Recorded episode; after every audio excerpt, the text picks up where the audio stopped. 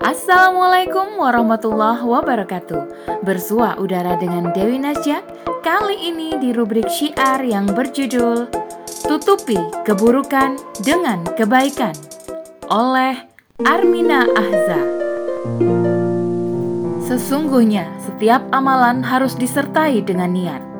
Setiap orang hanya akan mendapat balasan tergantung pada niatnya Barang siapa yang hijrah karena cinta kepada Allah dan Rasul-Nya, maka hijrahnya akan sampai kepada Allah dan Rasul-Nya.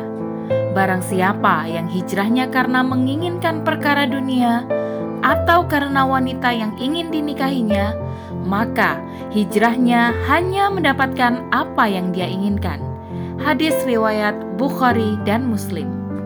Selengkapnya, tetap di sini di podcast Narasi Pos Media. Narasi Pos, cerdas dalam literasi media, bijak menangkap peristiwa kunci. Bertakwalah kepada Allah di mana saja engkau berada. Sertailah kejelekan itu dengan kebaikan. Niscaya kebaikan tadi akan menghapus kejelekan dan gaulilah manusia dengan akhlak yang baik. Sabda Rasulullah Sallallahu Alaihi Wasallam yang diriwayatkan oleh Imam Tirmizi. Sebagai manusia biasa, tentu kita pernah melakukan kesalahan ataupun berbuat keburukan. Karena sesungguhnya itu tabiat manusia yang tidak sempurna dan mudah melakukan kelalaian. Tersebab sifat manusia yang tidak sempurna itu, Allah memberikan kabar gembira melalui lisan Rasulullah SAW bahwa kesalahan-kesalahan keburukan-keburukan, kelalaian-kelalaian, kemaksiatan-kemaksiatan yang pernah dilakukan akan dapat tertutupi oleh amalan kebaikan. Dari sini menunjukkan adanya kemurahan Allah Subhanahu wa taala kepada hambanya bahwa perbuatan buruk tidak lantas menjadikan diri terus terkungkung pada keburukan karena merasa diri sudah menjadi pendosa seolah tiada ampunan. Namun, dari hadis yang diriwayatkan oleh Imam At-Tirmizi di atas memotivasi kita untuk bersegera menutupi kesalahan-kesalahan, keburukan-keburukan, kelalaian-kelalaian, kemaksiatan-kemaksiatan dengan kebaikan agar keburukan bisa tertutupi. Insya Allah. Hal ini menunjukkan betapa baiknya Allah, sebab Allah memberikan kabar gembira untuk kita bahwa jika kita melakukan kesalahan, maka bergegaslah untuk melakukan kebaikan, agar diri bersegera mengganti kesibukan dengan mengisinya beramal saleh. Ada seseorang yang terlepas berkata kasar, maka iringi dengan taubat dan amalan saleh seperti sholat sunnah. Ada orang yang tidak menepati janji, maka meminta maaf dan kemudian tetap beramal saleh dengan berzikir. Mungkin di antara kita ada yang pernah berbohong atau melakukan kemaksiatan-kemaksiatan. Namun, meski begitu, bersegeralah menggantinya dengan amalan kebaikan, karena setiap amal akan dipertanggungjawabkan. Setiap perbuatan akan ada nilainya. Bergegas pada amal kebaikan selanjutnya lebih baik daripada terfokus kepada kesalahan yang membuat kita tidak bersegera melakukan perbuatan baik. Jika mengingat kesalahan untuk muhasabah dan untuk bertobat kemudian menyesalinya, maka itu tidak mengapa. Terkadang kita merasa sangat bersalah, sedih, dan menjadi sosok yang banyak dosa, sehingga membuat kita sulit untuk melangkah ke depan menjalankan kebaikan-kebaikan selanjutnya.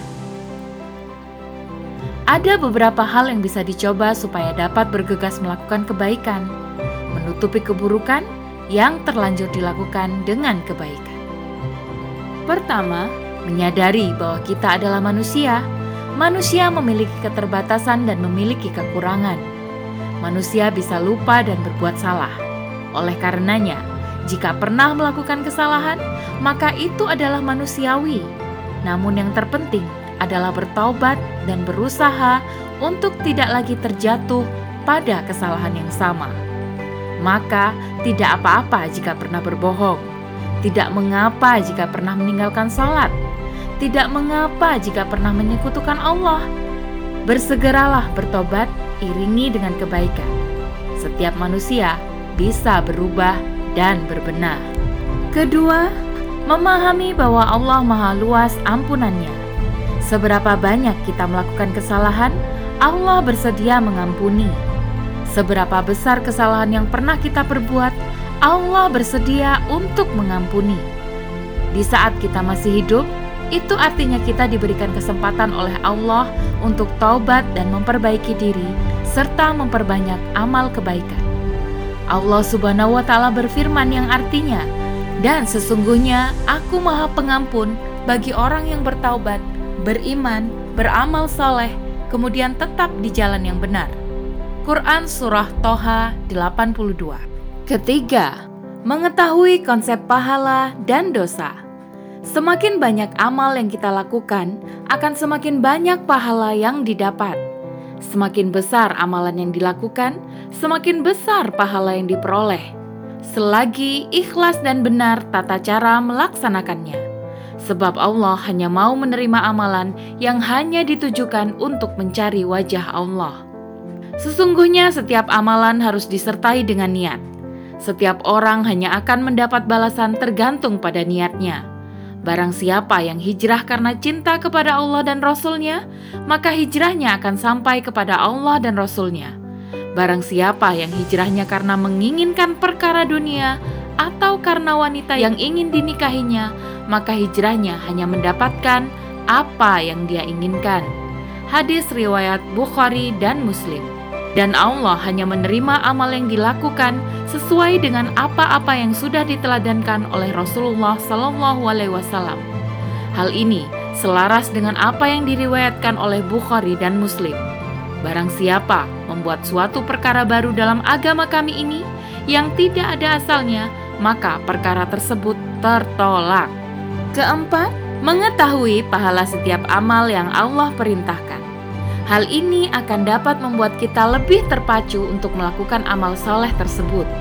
Mempelajari keutamaan sholat tahajud, membaca Al-Quran, menghafalkan Al-Quran, sedekah, puasa sunnah, berzikir, memiliki akhlak yang baik, dan lain-lain.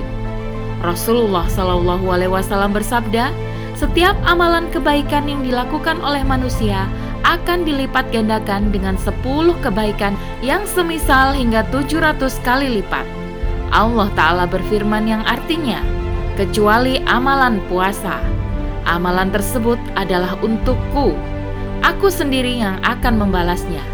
Disebabkan dia telah meninggalkan syahwat dan makanan karenaku. Hadis riwayat Muslim. Kelima, mengingat tempat kembali di akhirat ingin ditempatkan di surga atau neraka. Jika inginkan tempat kembali yang membahagiakan, maka memperbanyak amal kebaikan. Sebab setiap amal akan ditimbang dan bisa menjadi hujah di hadapan Allah untuk mendatangkan rahmatnya hingga diizinkan memasuki surga. Selain mengharapkan surga, juga mengingat betapa pedihnya siksaan neraka. Dengan begitu, diri akan semakin lebih bergegas melakukan kebaikan. Semoga dengan kelima hal di atas membuat diri makin terpacu untuk menutupi setiap kesalahan dengan kebaikan. Membuat diri tidak ragu untuk melangkah melakukan kebaikan.